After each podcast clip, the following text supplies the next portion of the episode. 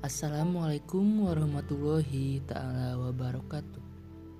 Kembali lagi pada pembelajaran wacana oleh dosen pengampu Ibu Dini Nur Pajrin Ningsih SPD MPD.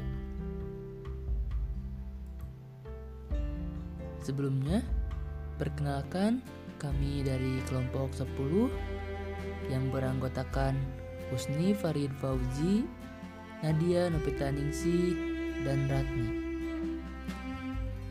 Di sini kami akan menjelaskan mengenai wacana deskripsi, eksposisi, argumentasi, persuasi, dan narasi. Baik, langsung saja pada pengertian wacana deskripsi yang akan disampaikan oleh saya sendiri. Istilah deskripsi dalam bahasa Inggris, description artinya perian.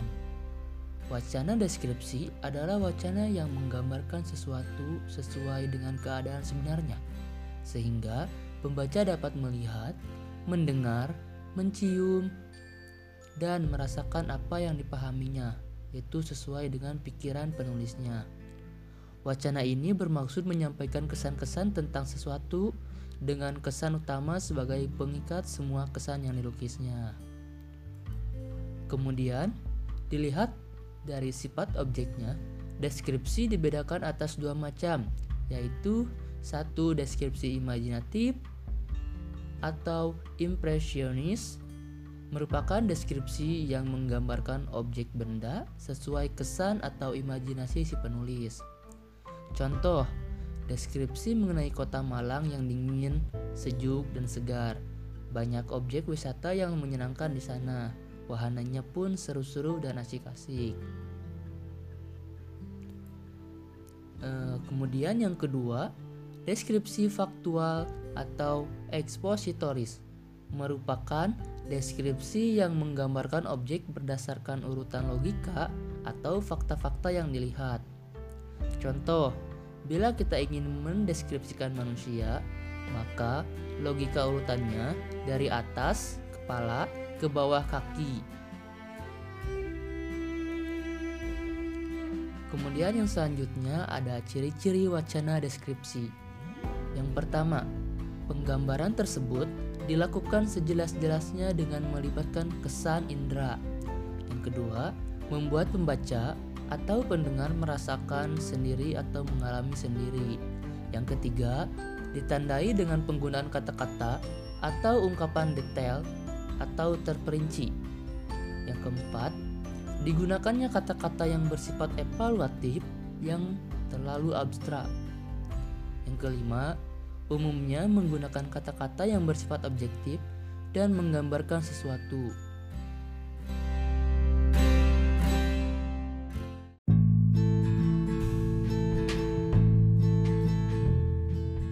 Wacana eksposisi. Wacana eksposisi merupakan jenis wacana untuk menerangkan sesuatu hal kepada penerima, pembaca, agar yang bersangkutan memahaminya. Dalam wacana ini diperlukan proses berpikir. Wacana ini digunakan untuk menjawab pertanyaan bagaimana karena menerangkan proses atau prosedur suatu aktivitas.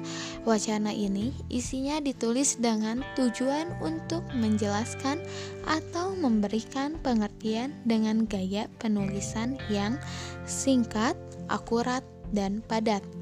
Ciri-ciri wacana eksposisi. Yang pertama, menjelaskan informasi agar pembaca mengetahuinya. Dua, menyatakan sesuatu yang benar-benar terjadi. Tiga, tidak terdapat unsur mempengaruhi atau memaksakan kehendak. Empat, menunjukkan analisis atau penafsiran secara objektif terhadap fakta yang ada.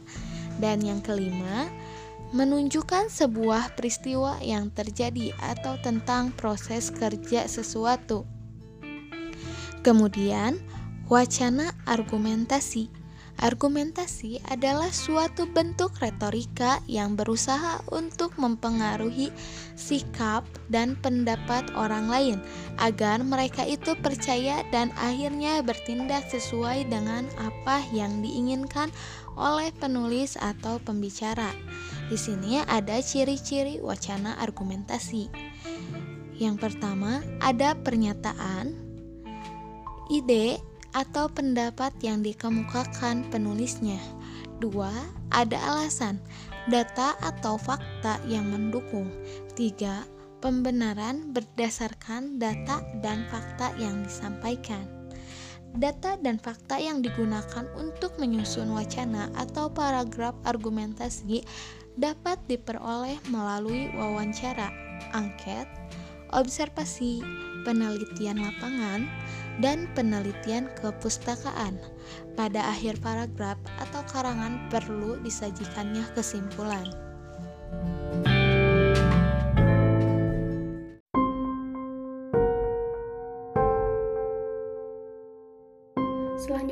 Ada pengertian wacana persuasi. Persuasi dalam bahasa Inggris, persuasion, merupakan suatu cara yang dilakukan oleh orang untuk meyakinkan orang lain agar orang tersebut mau melakukan apa yang dikehendaki penulis baik masa sekarang atau masa yang akan datang.